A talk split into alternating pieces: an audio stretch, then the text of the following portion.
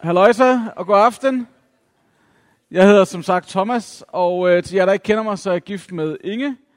Og øh, jeg har to øh, piger på 5 og 8 år, og øh, for to og et halvt år siden, så flyttede jeg fra København øh, her til øh, Aalborg for at plante øh, Aalborg Vineyard, øh, som er en menighedsplantning her i Aalborg. Og øh, det har været et kulturschok, jeg kan lige så godt sige som det er, at komme fra København til Aalborg. Og øh, det største chok, jeg har fået, øh, eller jeg har måske fået to-tre stykker, men et af dem var, første gang jeg skulle bestille pizza, øh, så, øh, så tager jeg pizzaen med hjem, og tænker, at alt er i den skønneste orden. Jeg tænker bare, at alt kører. Og så da jeg åbner pizzaen, så er den ikke slicet. Og øh, så tænker jeg, at det må have været en fejl. Det må simpelthen have været en fejl. Og øh, så øh, går der en måneds tid, så bestiller jeg en pizza igen, samme sted. Tager pizzaen med hjem. Så åbner jeg boksen, og hvad ser jeg? Pizzaen er ikke slicet. Så tredje gang, så går jeg ned til min pizzamand og siger, hvad sker der? altså, det er, hvorfor slicer du ikke min pizza? Og øh, så siger han, jamen det gør jeg kun, hvis du beder mig om det. Og så tænker jeg bare, hvor mange af jer altså spiser en hel pizza uden at slice den? Altså, hvor mange i Aalborg? Altså, åbenbart må være det, være det, man gør i Aalborg. Man tager en hel pizza, og så sidder man sådan her. Jeg forstår simpelthen ikke, at man skal bede om at få den slicet. Fordi selvfølgelig skal den slices. Altså, så sidder I derhjemme og prøver at finde jeres sløve pizzahjul, og så skal den slices. Jeg forstår det ikke. Og derfor så har jeg også oprettet en Facebook-side, der hedder Pizzaer i Aalborg skal slices. Fordi jeg forstår simpelthen ikke, at det ikke bare bliver slicet som det mest naturlige i verden. I København, der slicer man altid pizzaen. Men åbenbart er I meget grådige og har meget store munden heroppe. Øhm, Udover det er jeg super glad for at bo i Aalborg. Øhm, så er det meget dejligt at være her. Øhm, det jeg skal sige noget om i dag, øh, det er Ung i en præstationskultur. Det fantastiske serie, I kører, om det her med at være tæt på, på livet, tæt på virkeligheden. Hvad er, det lige, hvad er det for en verden, vi lever i, og hvordan er det lige, vi sådan skal forholde os til den. Men jeg kunne godt tænke mig at starte med en øh, personlig historie, og så prøver vi at flyve op i helikopteren øh, og se på, hvordan er det lige det der præstationskultur, hvad er det lige det handler om. Og så til sidst, så prøver jeg så at se, om vi kan øh, finde ud af, hvad er det så lige, at øh, Bibelen siger, hvad er det lige, der er gode nyheder ind i en præstationskultur. Øh, og så prøver vi at se, om vi kan lande der, hvor vi skal være. Øhm, jeg, øhm, skal jeg sige på den her måde, jeg er meget passioneret omkring fodbold. Og øh, lige nu er jeg i en kæmpe krise. Øh, fordi jeg er træner for et unikt pigehold. Og lad mig bare sige det sådan her. Vi har ikke vundet en eneste kamp i indendørssæsonen. Så jeg kunne godt tænke mig, at måske inden vi fortsætter, at vi lige kan bede en bøn om, at næste gang, at vi bare må score et mål. Det vil være så dejligt. Øh, så skal vi ikke bare bede om, at vi får en god aften, og så bede om, at ja, vi også vinder næste gang. Gud, tak fordi, at vi må få en øh, fantastisk aften. Tak fordi du er her. Og tak fordi vi må få lov til at connecte med dig. Og tak fordi, at Frejas Unipiger må få lov til at vinde, inden 2020 er slut. Amen. Yes. Så vi har et helt år, venner. Øhm, som sagt er jeg passioneret omkring fodbold, og øhm, det her med at leve i en præstationskultur, det er selvfølgelig noget, der sker nu, men jeg tror sådan set, at de fleste af os godt kan gen- genkende det der med, at vi måske, da vi voksede op, at øh, vi fik lidt mere ros, hvis vi havde tegnet en øh, lidt flottere tegning, eller hvis vi på en eller anden måde havde gjort det lidt, for lidt, altså, vi kan godt høre det på vores forældre, ikke? Altså, når man kommer hjem med et syvtal eller et tital, der er sådan lige i stemmen hos forældrene sådan lidt mere haløjsa, hvis øh, man får et 10-tal eller et 12-tal, end hvis man får 7 og 4. Og selvom de siger, vi elsker dig lige meget, hvad du får, så ved vi godt, det er måske, i hvert fald i min familie, så var det ikke helt rigtigt. Øh, men øh, da jeg var 11 år, så øh, ville jeg sindssygt, altså der tænkte jeg, at øh, jeg nok var det næste, altså Michael Laudrup. Jeg ved godt, det er, altså ham kan I ikke huske, men øh, han er en af Danmarks bedste fodboldspillere ever. Og jeg tænkte, jeg har det. Og øh, så det var min helt store øh, drøm, og øh, jeg, var, jeg var også lidt urealistisk, kan jeg jo godt se nu. Men, men dengang, så var det det, der fyldte alt. Og øh, så øh, der, hvor jeg spillede i Holstebro Boldklub, øh, det var sådan en ret ambitiøs klub, og øh, der var nogle af dem, der var på de lidt ældre hold, der var på, dengang hed det juniorlandsholdet og ynglingelandsholdet. Og man havde ligesom, de kom ned og fortalte historier til os, der var yngre, om at, altså, hvis I bliver ved, så ryger I på lands. Altså, ved, man havde ligesom den, det var ligesom det, der lå i det. Og øh, så, så, sådan som man så, øh, sådan som man valgte øh, førsteholdet, det var på en øh, sindssygt drabelig måde jo. Øh, fordi det var lidt, selvom øh, Paradise og alt muligt ikke var opfundet endnu dengang, så var der, det mindede lidt om Paradise, den måde, man ligesom blev valgt på.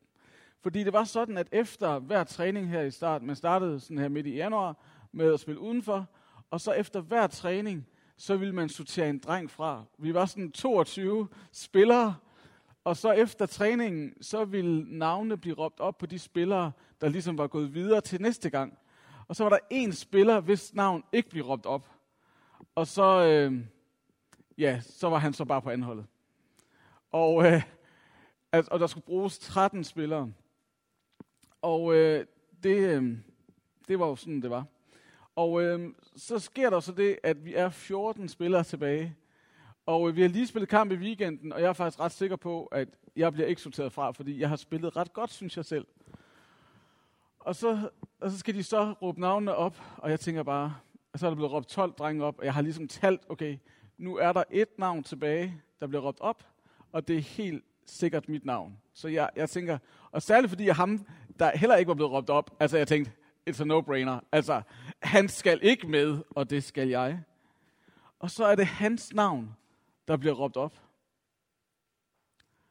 Og jeg ved godt, det er jo lidt sindssygt 11 år, men min verden styrter fuldstændig sammen. Og øh, jeg løber ud til min cykel og cykler alt, hvad jeg kan hjem og græder som pisket. Og øh, jeg kommer ind så på mit værelse og ligger mig bare ind i sengen og græder, græder, græder. Og min mor kommer ind, og så siger hun, hvad er der i vejen, Thomas? Så skal lige sige, mine forældre, de, er, de har intet forstand på fodbold. Øh, og hun kommer ind og så siger, hvad er der i vejen, Thomas? Og jeg siger, jeg er ikke kommet på førsteholdet. Og øh, så siger hun, nå, men du er da god til fodbold, Thomas. og så græder jeg bare endnu mere, fordi det der, det er bare... Og så siger hun så, det er helt forfærdeligt, jamen skal jeg ikke ringe til din træner og snakke med ham om det? Og så græder jeg bare endnu mere, fordi det der, det skal hun slet ikke bryde sig om at gøre. Øh, og øh, så kan hun godt mærke måske, at hun bare skal lade mig være, fordi jeg er i dyb sorg. Ikke? Øh, og øh, så der, den aften, da jeg ligger der om aftenen og ligesom er faldet lidt mere til ro, så den der fornemmelse af at være blevet vraget, den der fornemmelse af ikke at være god nok til fodboldholdet, den der fornemmelse af at være nummer to, jeg kan bare mærke, at det der, det vil jeg ikke igen. Og øh, der som 11-årig, så ligger jeg og tager en meget dramatisk beslutning, som altså faktisk, og det, det lyder ret vildt, at man som 11-årig kan tage en beslutning, der ligesom får konsekvenser for resten af ens liv. Men det er den aften, altså måske ikke helt så bevidst, men der tager jeg en beslutning om, at jeg vil aldrig være nummer to igen. Fordi den fornemmelse og den følelse af at være blevet vraget og ikke være god nok, det var det mest forfærdelige, jeg nogensinde havde oplevet. Og øh, så, så det som, så jeg kender udmærket det der med at gerne vil præstere, og gerne vil være nummer et, og gerne vil have en succes. Og det var selvfølgelig mine forældre, vil jeg sige, hvis de lytter med derude. Jeg ved godt, I elsker mig. Men det der, det på en eller anden måde sat sig et spor i min sjæl på en eller anden måde, hvor at jeg resten af mit liv, og ved hvad, jeg er 42 år nu, har kæmpet med, om er jeg nu god nok? Har jeg nu det, der skal til? Er jeg nu elsket, ikke bare for, hvad jeg præsterer, men for, hvem jeg er? Og øh, lige i aften skal vi tale om at leve i en præstationskultur. Og det, som jeg oplevede der som 11-årig, som barn i en fodboldklub, og også fordi jeg nu er sådan, som jeg er, så fik det stor betydning. Men jer, jer der sidder her, og os alle sammen, vi lever i en kultur, hvor det at præstere, det er alt eller intet. Og øh, jeg vil gerne prøve at komme med nogle indledende betragtninger omkring det her med at leve i en præstationskultur. Fordi det er ikke kun mig, der siger, at det er en præstationskultur. Det siger alle andre forskere og øh, kloge hoveder også. Og det er sådan, at rent faktisk, så har jeg, jeg har faktisk lidt sociologi. Øh, så jeg har en kandidatgrad, så jeg synes klart, at jeg kan udtale mig om det her. Øh, og øh, jeg har også faktisk arbejdet i noget, der hedder Center for Ungdomsstudier, hvor vi har undersøgt øh, det her med, at unge lever en præstationskultur. Hvad det lige det betyder, og hvorfor er det lige, at det føles som en præstationskultur. Og så kan vi jo prøve lige om lidt, når jeg har kommet med de her indledende betragtninger, så kan jeg lige prøve at snakke lidt om, kan I genkende det her, eller er det bare en voksen, der forsøger at fortælle jer, hvordan verden ser ud. Men jeg vil gerne starte med et citat af J.C. rapperen, som siger, Remind yourself, nobody built like you, you design yourself. Vi lever altså i en verden, hvor at, han kommer lige, nu skal jeg se, om jeg kan ramme, der var han. Øh, det, det, det, som han dybest set siger, det er, at du bestemmer, hvem du skal være. Alt er op til dig, og du er selv ansvarlig for, hvem du bliver, og hvem du er, og hvem du skaber dig som. At på en eller anden måde, så lever vi i en verden, som fortæller os, at du har ansvaret. Det er ikke dine forældre, det er ikke dine venner, det er ikke din kirke, det er ikke Gud, det er dig. Du designer dig selv, og du kan bestemme, hvem du skal være. At det er en af de stemmer, som vi hører igen og igen, fordi because, der var også en reklame, der kørte for nogle år siden, because I'm worth it. Ikke? Altså det der med, at du er den, der er den, og du har ikke andre rigtigt at, at regne med eller stole på, end dig selv. Og jeg ved godt, at øh, det har vi jo måske på en eller anden måde, men det er på en eller anden måde et budskab, som er med til at skabe det, vi kalder en præstationskultur. Det andet, og, og ja, vi har lige Harry Potter først. Harry Potter. Hvor mange af jer har læst eller set Harry Potter? Yes, bare vær ærlig, det er, det er super. Øhm, sagen er, grund til, grund til, at jeg har taget Harry Potter med, det kunne også have været en anden en, men, men Harry Potter, han er, hvad skal man sige, han, han er ligesom billedet på noget af det, som kendetegner, hvad skal man sige, også vores kultur. Altså, Harry Potter er dybest set beretningen om den helt almindelige dreng, der overvinder al verdens ondskab. Altså, helt almindelig dreng, der overvinder al verdens ondskab. Og på en eller anden måde, så lever vi også i en verden, hvor at vi alle sammen får at vide, at du har potentialet til at forandre verden. Du har potentialet til at gøre en forskel i den her verden. At du kan, hvis du bare tager dig sammen, og hvis du bare er passioneret nok, så kan du forandre den her verden. Ikke for at presse dig, men du kan godt. Øh, det er ikke fordi, at øh, jeg lægger noget ned over dig, men du kan godt. Hvis du bare lige giver den lidt ekstra gas, så kan du forandre verden. Øhm, og det er jo sådan set på en måde, det er jo en positiv historie, men det giver os et enormt pres, at, øh, at I skal være, I er den generation, der skal redde klimaet. Det er jer, der er den. Og I kan, og Harry Potter fortæller, det kan godt lade sig gøre. Greta Thunberg kunne jeg også have taget med. Det fortæller, I kan sagtens gøre det. I har det, der skal til for at forandre verden. Så det er jo også noget, der er med til at skabe et pres og en forventning om, at I skal præstere. X-faktor. Ja, altså, det er jo dy- lidt den samme historie, men det der med, at naboens pige kan blive en stjerne. Så når hun kan blive en stjerne, så kan du også blive en stjerne. Så kan du også være den, der får flest likes på Instagram. Du kan også være den, som det bare kører for. Du kan også være den, der... Øh, du kan blive en stjerne. Du kan vinde øh, guldtuben, eller hvad ved jeg, du kan blive den næste stjerne. Og, den, og jeg ved godt, at det sker jo kun for en ud af ikke særlig mange, vel? Men tænk en gang, hvis det nu blev mig. Det er den fornemmelse, vi godt kan sidde med. At jeg burde i grunden også kunne blive den stjerne, som alle snakker om. Det næste billede springer lige over. Men her er Lars Lykke. Dårligt billede af Lars Lykke måske, men øh, om ikke andet. Øh, det er Lars Lykke. Og det, som vores politikere har fortalt os, om det så var Lars Løkke eller Helle Thorning, eller hvem der nu har siddet på posten, det, som de har fortalt os, det er, at du skal skynde dig. Og du skal gøre dit bedste, og det kan kun gå for langsomt. Og øh, på en eller anden måde, så har vi fået, ja, og så har så er selvfølgelig også det her med sociale medier, at det der med, at for, nogle, for halvandet år siden var jeg ude og lave sådan en undersøgelse omkring gymnasieelever i Danmark, og øh, så var jeg ude og interviewe en gymnasieklasse, eller nogle stykker fra en gymnasieklasse. Og så er der så en øh, fyr, som sidder der og siger, at øh, når jeg er til en fest, så kan jeg da godt finde på at kysse med en pige. Øh, og, øh, men så siger han så, men hvis jeg så går hjem og tjekker hendes Insta-profil, og hun så ikke har følgere nok, så kontakter jeg hende ikke igen, selvom jeg synes, hun var lækker, da jeg kyssede med hende. Så du griner, fordi du ved, det er sådan, ikke? Øh, hvad hedder det?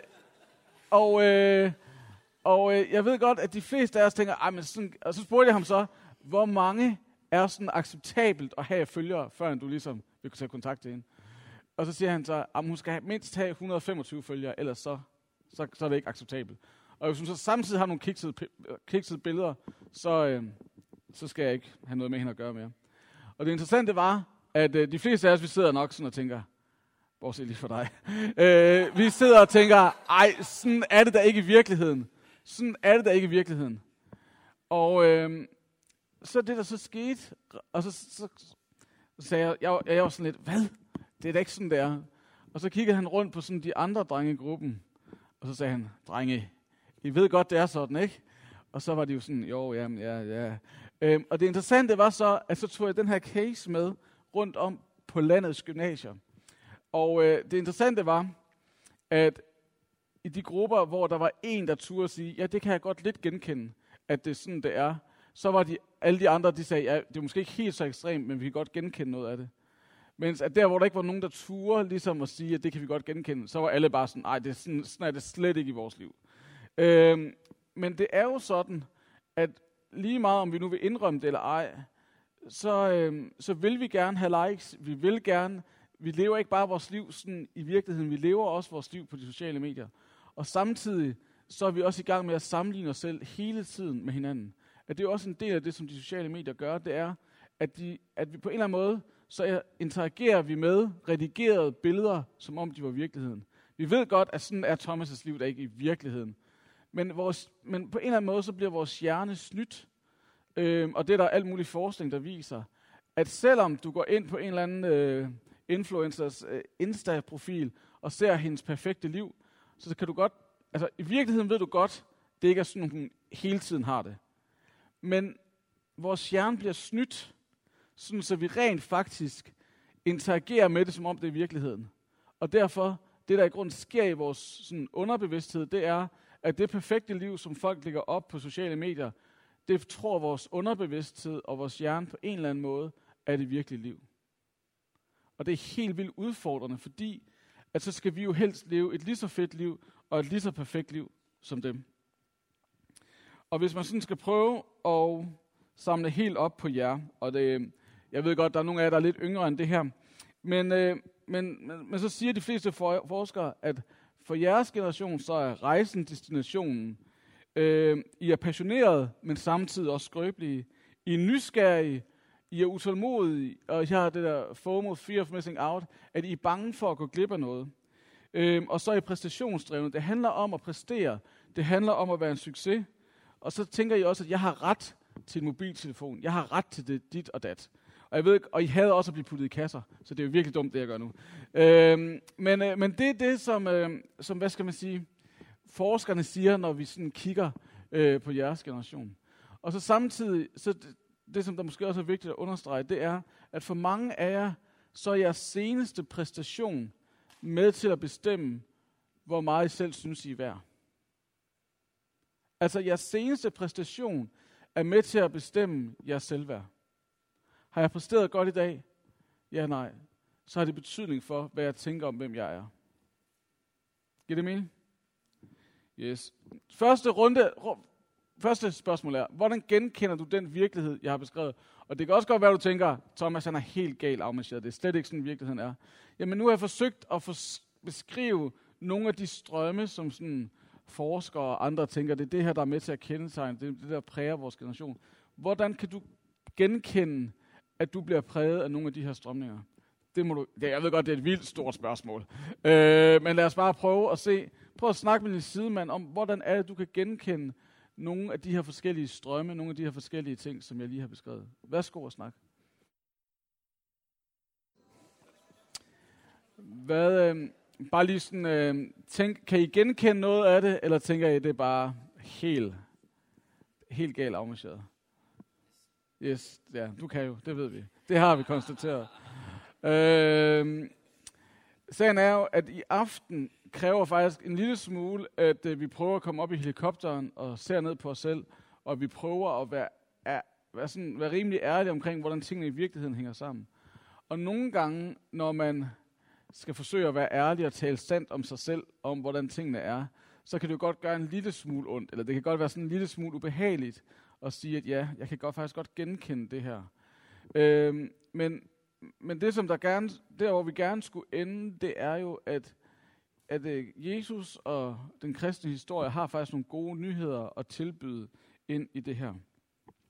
Jeg vil bare lige komme med nogle citater med nogle øh, øh, folk, som jeg har snakket med de sidste par år, øh, som, som, som taler om, hvad det vil sige at være i en præstationskultur. Her er det Karoline på 16 år, der siger, du skal have den perfekte, perfekte krop, gå i det perfekte tøj, have nogle gode karakterer, og alt skal være perfekt derhjemme. Men det er ikke alle, der kan det, og det er en stor ting, som fylder bare generelt, fordi du kan ikke være perfekt hele tiden. For eksempel det med karakterer, 10 er fint, 12 er perfekt, men får vi 7 eller 4, så bliver vi kede af det. Og øh, hun beskriver på en eller anden måde oplevelsen af hele tiden at skulle være perfekt, hele tiden at skulle være en succes. Og øh, noget af det, som jeg opdagede, der virkelig sådan var forskellen fra min generation til jeres generation, det var særligt i forhold til det der med karakterer. Hvis jeg fik fire eller syv, da jeg gik i gymnasiet eller på universitetet, så vil jeg sige, det er totalt lærerens skyld. Altså, hvis læreren nu havde været lidt bedre, så var jeg helt klart også fået en bedre karakter. Øhm, og, at, øh, og så de dage, hvor jeg havde lidt mere selvindsigt, så ville jeg nok tænke, hvis jeg nu havde taget mig lidt mere sammen, så havde jeg nok fået en bedre karakter. Men, men, de, men de folk, eller de unge, jeg snakkede med, og det er jo ikke sikkert, det er så ekstremt, men, men der blev det jo nærmest lige med, at min karakter er med til at fortælle mig ikke noget om min faglige præstation, men min karakter er med til at fortælle mig noget om, hvem jeg er. Og det er jo helt vildt problematisk, hvis karakteren eller præstationen fortæller noget om hele, hvem jeg er, når det vi i grunden måler, det er mit faglige niveau i tysk. Men dit faglige niveau i tysk har intet at gøre med, hvem du er. Heldigvis. Men, men problemet er, at vi lever i en verden og en kultur, som fortæller os, at din tysk karakter har vildt stor indflydelse på, hvem du er. Men det er jo ikke sandt. Men det er det, vi kommer til at tage ind, fordi det er den virkelighed og verden, vi lever i. Og derfor så er det vigtigt at være en succes, som den her dreng i første G siger. Succes er vigtigt for mig. Jeg synes bare, at den her ungdom er bygget op omkring, at man skal være perfekt, og man skal klare sig godt i skolen, være fed med vennerne og være sød. Og det lykkes ikke altid. Og man er ikke altid sig selv øh, med vennerne, fordi man forsøger at være noget, som man ikke altid er. Man er vel i grunden bange for, at de ser, hvordan man virkelig er, og hvordan man i virkeligheden har det. Og det er jo det, når vi lever i en præstationskultur, hvor det handler om at se godt ud, hvor det handler om at være en succes, hvor det handler om at være perfekt. Det er der ikke no, sådan er der ikke nogen af os, der har det hele tiden. Men vi bliver bange for, hvis vi nu ikke viser det. Fordi hvad nu, hvis de afviser os? Fordi noget af det værste i en præstationskultur, det er dybest set afvisning. Tænk nu, hvis de ikke synes om, hvordan jeg lige ser ud. Eller tænk nu, hvis de ikke synes, jeg er god nok. Så øh, god nok til tysk, eller, eller hvad nu hvis jeg ikke er god nok til den her sport, eller hvad nu hvis de ikke synes, jeg har så mange følgere, som de har, og alt det der. Og det, som de i grunden responderer på, det er jo noget ydre, men fordi at der er så stor connection mellem mig selv og det ydre, øh, så får det vildt meget indflydelse. Og øh, her er der så en, der siger, alle vil gerne være noget, men alle kan ikke blive alt det, de gerne vil. Så gælder det bare om at blive en af dem, der kan blive det. Og det er jo det der med, at præstationen også skaber pres. At I ved jo godt, det ikke er alle, der kan blive det, som du drømmer om. Øhm, så der er jo nogen, der bliver sorteret fra. Og fordi at vi på en eller anden måde gerne vil være en succes, vi vil gerne fremstå som dem, der har styr på det, øhm, så noget af det, der sker for os, det er, at vi virkelig, altså nogle af os, vi bukker under for presset, øh, fordi at det er så voldsomt, at vi hele tiden skal forsøge at blive noget, som, hvor vi skal slå de andre, og vi skal forsøge at blive noget, som er vildt svært, øhm, og vores identitet afhænger af, om vi nu bliver det. Så man kan sige, præstationskultur fortæller os, at vi er, hvad vi gør. Og øh, Jeg ved godt, jeg fremstiller det rimelig negativt. Lige om lidt skal vi komme til nogle positive ting. Øh, men det er, det, som, det er den her historie. Det er sådan her, det er med til at forme os. Og det gør noget ved os. Øh, at det gør noget ved os, at det er den her kultur, og det er den her verden, vi lever i. Øhm, så det, som jeg gerne bare lige vil have, at du snakker med sidemanden om nu, det er, hvad er det vigtigste, som jeg har sagt indtil nu? Øh, og hvis I ikke synes, jeg har sagt noget vigtigt, så, øh, så kan vi også snakke om Premier League og hvordan det gik i weekenden. Men, men jeg ved, jeg har sagt noget vigtigt. Øh, så så hvad, hvad er det for en ting, som du tænker, det her, det skal jeg lige huske, også når vi er færdige med i aften. Her er en tanke, jeg ligesom skal holde fast i og dykke ned i. Øh, hvad skal det med siden Hvad er det for en tanke, som du skal holde fast i, efter den her aften er slut? Yes. Øhm. Ja. Nu ved jeg godt, at jeg har virkelig malet øh, præstationskulturen op i et mørkt, mørkt hjørne indtil nu. Øh, men der er jo sådan set også nogle positive ting at sige omkring vores kultur. Fordi for det første, så det der med at leve en præstationskultur, det er jo med til på en eller anden måde at give os en skabertrang. Der er noget, vi skal gøre, der er noget, vi skal bygge, der er noget, der skal ske.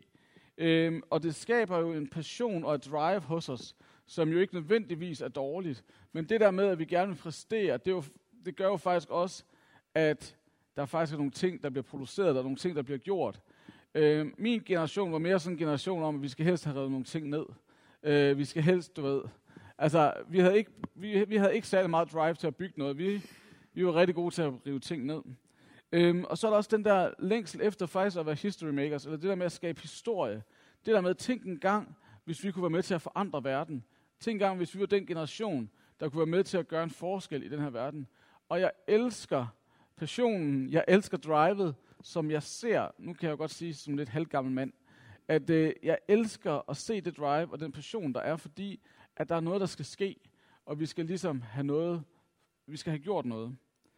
Øhm, det negative, hvis vi sådan skal, eller udfordring, er jo det der med, at i en præstationskultur, så bliver du aldrig helt god nok. Der er altid den der fornemmelse af, at der er nogen, der klarer sig bedre end mig. Og, øh, og det der med, når, der er andre, når vi hele tiden sammenligner os med andre, øh, så gør det jo noget ved vores selvværd. Det gør noget ved, hvordan vi ser os selv som menneske.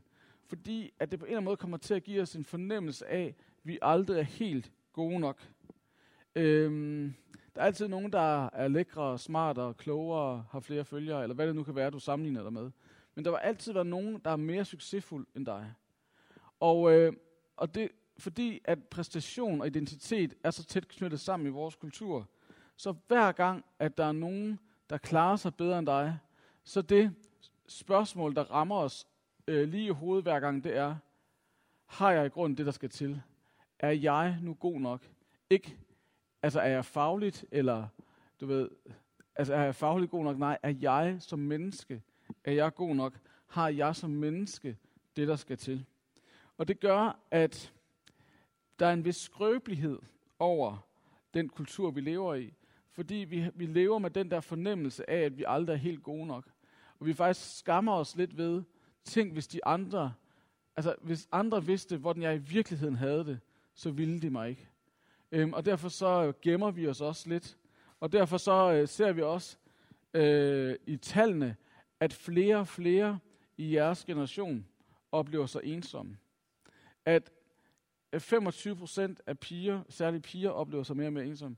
At 25 procent af jer piger, der sidder herinde, I kan godt genkende det der med at være ensom. I forstår lige præcis, hvad det er, jeg snakker om, når jeg siger, at det der med at være ensom, det er faktisk en del af virkeligheden.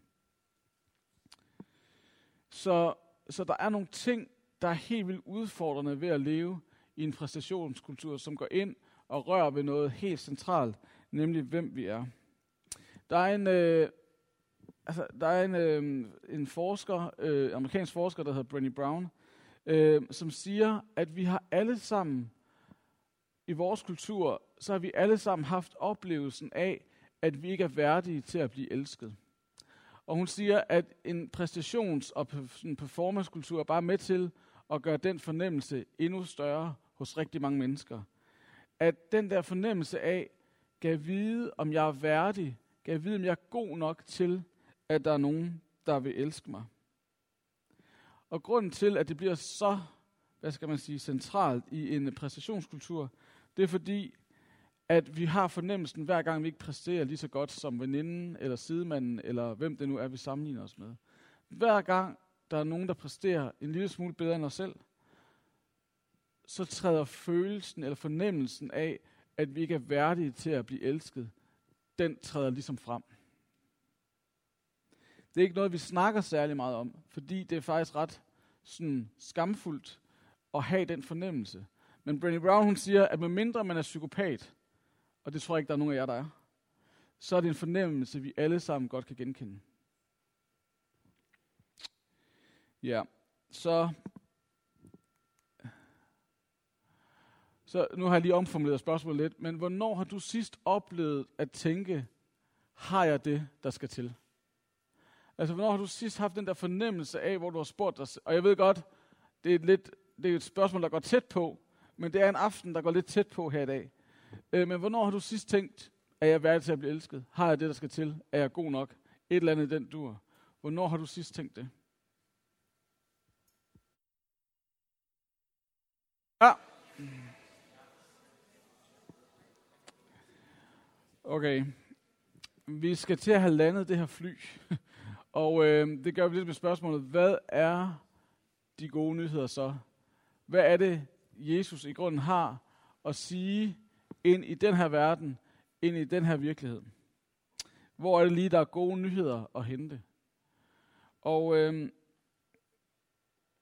for det første, så vil jeg sige, at Jesus, lige så meget som du tror på dig selv, og lige så meget som du får at vide, at du skal forandre verden, lige så meget har Gud tillid til dig.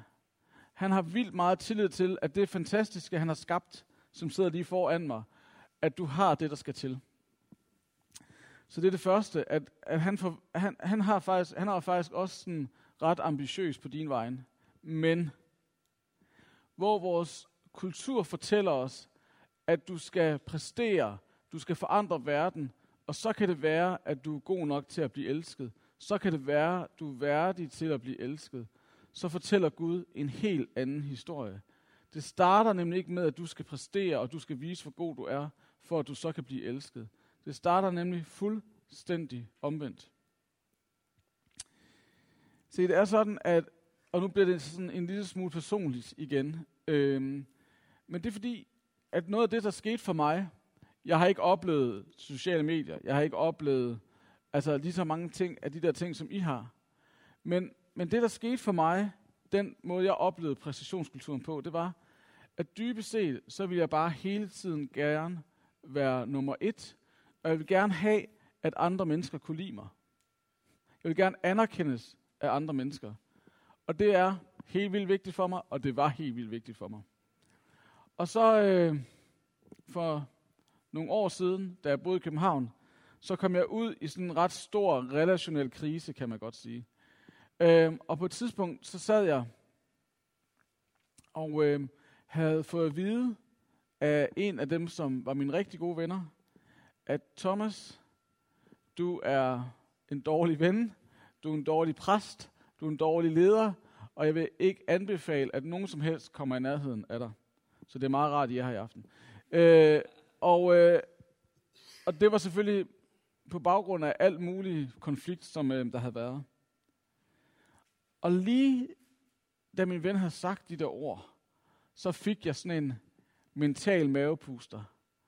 Al energi gik ud af mig. Og næste dag, så så jeg min ven øh, stå ved, vi boede ret tæt på hinanden, så så jeg min ven stå ved øh, køledisken i Netto. Og lige da jeg så min ven, så min mave snørede sig fuldstændig sammen. Og jeg kunne, jeg kunne, jeg kunne ingenting. Jeg havde bare lyst til at brække mig ud over det hele men det gjorde jeg så ikke. Øhm, og så var der så en af mine andre venner, der sagde, Thomas, du burde nok gå til en psykolog og snakke med en eller anden om det der. Og øh, så tænkte jeg, ah, det vidste, det vidste jeg ikke lige, om jeg ville. Men det gjorde jeg så. Og øh, det var en øh, kristen psykolog, jeg gik til. Og øh, efter en del samtaler, det vi fandt frem til, det var, at hver gang der var nogen, som ikke synes om mig, eller var uenig med mig, den, det der, så hvad skal man sige, gik på autopilot ind i min hjerne, det var, når man så er nok ikke god nok. så er jeg nok ikke værdig. Og øh, så læste vi faktisk en øh, beretning fra Bibelen. Vi læste historien om den fortabte søn. Og øh, den fortabte søn, han siger til sin far, jeg vil gerne have min arv nu. Jeg vil gerne have alt det, der tilkommer mig. Og så tager han ud, og så fester han, og så giver han den gas. Og da han ikke har flere penge tilbage, så sidder han på et tidspunkt, og så siger han, det her, det er noget rigtig lort. Og øh, jeg har virkelig, jeg har virkelig, jeg har, jeg har mistet alting. Og så forbereder han en tale til sin far. Og jeg ved ikke, om han siger, den tale, han forbereder sig til sin far, det er, far, jeg, jeg har syndet mod dig, jeg er ikke værdig til at blive kaldt din søn længere. Men må ikke nok have lov til bare at være en tjener i dit hus. Og øh, den beretning læste vi så øh, der, da jeg sad hos psykologen. Og, øh, og så, øh, kommer, så kommer den yngste søn hjem, og faren, i stedet for at have fuldstændig, hvad skal man sige, sådan afvist ham og ikke ville have noget med ham at gøre, så har faren hver dag siddet og ventet på, kommer han ikke snart hjem. Og så løber faren den yngste søn i møde, og så omfavner han ham og siger til, og sønnen prøver at få sagt det, han har forberedt. Men faren han omfavner ham, og på den måde siger han, du er min elskede søn. Og øh, så der, da jeg sad hos psykologen, så sagde psykologen, nu stopper vi historien her. Og så sagde han, nu skal du forestille dig, at du er den yngste søn. Og så skal du forestille dig, at faren han omfavner dig og siger, at du er elsket. Ikke på grund af, hvad du har gjort, men fordi du er hans søn. Og øh, så spurgte han så, som en rigtig psykolog sikkert gør, Nå, men og hvordan har du det så med det? Øh, og så begyndte jeg bare at tudbrøle, ikke? fordi at lige præcis der gik det op for mig, at ja, i mit hoved, så ved jeg godt, at jeg er elsket, ikke fordi jeg gør noget, men fordi jeg er den, jeg er. At Gud han elsker mig betingelsesløst. Altså det ved jeg godt i mit hoved, og jeg ved godt, det er det, man siger i kirken. Men jeg har simpelthen ikke forstået det i mit hjerte. Jeg har simpelthen ikke forstået det hernede, at jeg er elsket. Ikke fordi jeg gør noget, men fordi jeg er. Og lige der, og så spurgte, så, så spurgte psykologen også, tror du, at Guds kærlighed er nok for dig? Og det var nok også noget af det, der gjorde, at alting i mig sådan nærmest bræst der på det tidspunkt, fordi at hvis jeg skulle være helt ærlig, så var jeg faktisk ikke sikker på, at jeg troede, at Guds kærlighed var nok for mig. Altså jeg troede faktisk også, at jeg skulle bevise mig lidt over for de andre. Jeg troede også, at jeg skulle bevise mig lidt over for mine forældre. Jeg troede, at jeg skulle bevise mig lidt over for mine venner. At jeg skulle lige sådan vise, at jeg faktisk var god nok, før de virkelig kunne lide mig. Og lige der, så gik det op for mig, at de gode nyheder er, at Gud, han elsker dig, ikke for hvad du gør, men for hvem du er. Og at det er nok. Og så gik det op for mig, hvor meget at jeg har svært ved at tro på, at det er nok for mig. Fordi jeg tror også, at jeg skal have lidt flere likes. Jeg tror også, at jeg skal lige ses lidt mere af de andre. Jeg tror også, jeg lige skal anerkendes lidt mere af alle dem, før jeg helt er god nok. Men de gode nyheder er, at du er god nok. Du er elsket, og Guds kærlighed er nok for dig. Og det er der, det starter. Så kan du gå ud og gøre alt, du skal gøre bagefter. Og så kan du fejle, og så kan du fejle alt det, du vil, men du er stadigvæk elsket. Du er stadigvæk set. Du er stadigvæk god nok. Og vi lever i en verden, som når du træder ud af det her rum, som fortæller dig, at du ikke er god nok, medmindre du præsterer. At du ikke er god nok, medmindre du er en succes på alle områder i dit liv. Så derfor så er det helt vildt svært at forstå og omfavne, at jeg er elsket af Gud, og det er nok for mig. At det ikke nok, vi forstår det her i vores hjerne, vi har også brug for at forstå det her i vores hjerte. Fordi det er først der, vi kan blive sat fri til at gøre alt det, som Gud har kaldt os til at gøre. At når vi tjener og arbejder ud fra, at vi er elsket lige meget, hvad der sker. Og vi har brug for, og det kan jeg så bare sige, at selvom jeg endda brugt flere tusind kroner hos en psykolog, så har jeg brug for dagligt at sidde med Gud og lade ham fortælle mig, at jeg er elsket, ikke på grund af, hvad jeg gør, men fordi jeg er. Så hvis du gerne vil spare en masse psykologkroner, så handler det dybest set om at sige ja til den Gud, der kommer løbende dig i møde i aften og siger, du er elsket. Du er set. Du er værdig. Ikke fordi du har præsteret godt. Ikke fordi du har mere end 125 følgere på Instagram. Ikke fordi du har fået 12, selvom det også er skide godt. Det er faktisk ikke derfor, du er elsket. Du er elsket, fordi jeg har skabt dig. Og da jeg skabte dig, før du gjorde noget som helst, så sagde jeg, at du er god.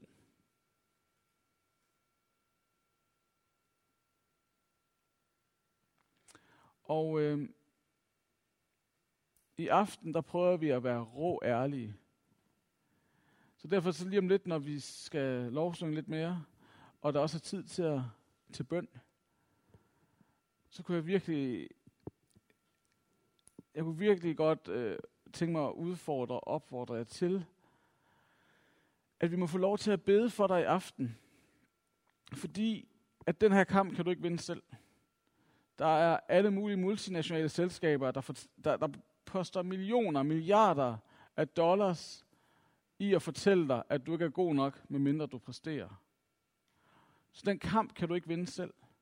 Men når Gud får lov til at møde dig i dit hjerte, så vinder du kampen, fordi han vandt kampen på korset. Så, som Brené Brown sagde, vi har alle sammen haft oplevelsen af, og følelsen af, at vi ikke var værdige, at vi ikke var gode nok. Så hvis du har, så, så derfor så kan du lige så godt sige, nå ja, det er sådan der. øh, ja, sådan har jeg det også. Og derfor så har vi brug for, at Gud han kommer og møder os. Så vi har alle sammen brug for i aften, at Gud han kommer og fortæller os, at vi er elsket og vi er set. Og jeg har faktisk et virkelig godt citat. Det er mit eget citat. Mod er at turde sige, jeg er bange, og så alligevel tage et skridt fremad. At mod er at turde sige, ja, jeg er ikke perfekt.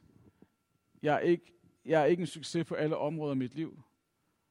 Og det gør mig vildt bange, men jeg er elsket, og derfor så tager jeg et skridt fremad. At selvom jeg ikke er perfekt, så er jeg elsket, og så tør jeg godt tage et skridt fremad. Så nu tænker jeg, at vi tilbeder Gud lidt, og øh, så kan man gå derned bagved og blive bedt for. Så jeg vil bare opfordre alle, der ligesom genkender, ja, jeg ved, hvad det vil sige, ikke at være god nok, og ikke føle sig god nok. Gerne vil have andres anerkendelse. Jeg har brug for at blive mødt af den far, der elsker mig. Kom ned, og så lad os bare bede for dig, fordi vi kender det alle sammen. Vi er alle sammen i samme båd, fordi vi lever alle sammen i en præstationskultur, så vi genkender de ting. Så øh, lovsangsbanen kan komme op, og så... Øh, ja, måske skulle, måske skulle vi lige bare øh, bede, øh, be kort. Gud, tak fordi, at du møder os, og du ved, hvordan at vi genkender nogle af de her ting, og hvordan vi kan spejle os selv i følelsen og oplevelsen af ikke at være god nok. Og at vi har brug for at blive omfavnet af dig, og mærke ikke bare i vores hoveder, men også i vores hjerter, at vi er elsket og set af dig. Så Gud, tak fordi du kommer og møder os. Og tak fordi vi må få lov til at bede for enhver, der kan genkende oplevelsen af ikke at være værdig. Så kom Gud og vær os nær. Kom Helligånd. Så, øh, ja, så bare gå der ned. Lad os rejse os op, og så bare gå der ned, og så lad være med at vente på, at din yndlingssang kommer, for den kommer sikkert ikke. Øh, så bare øh, gå afsted.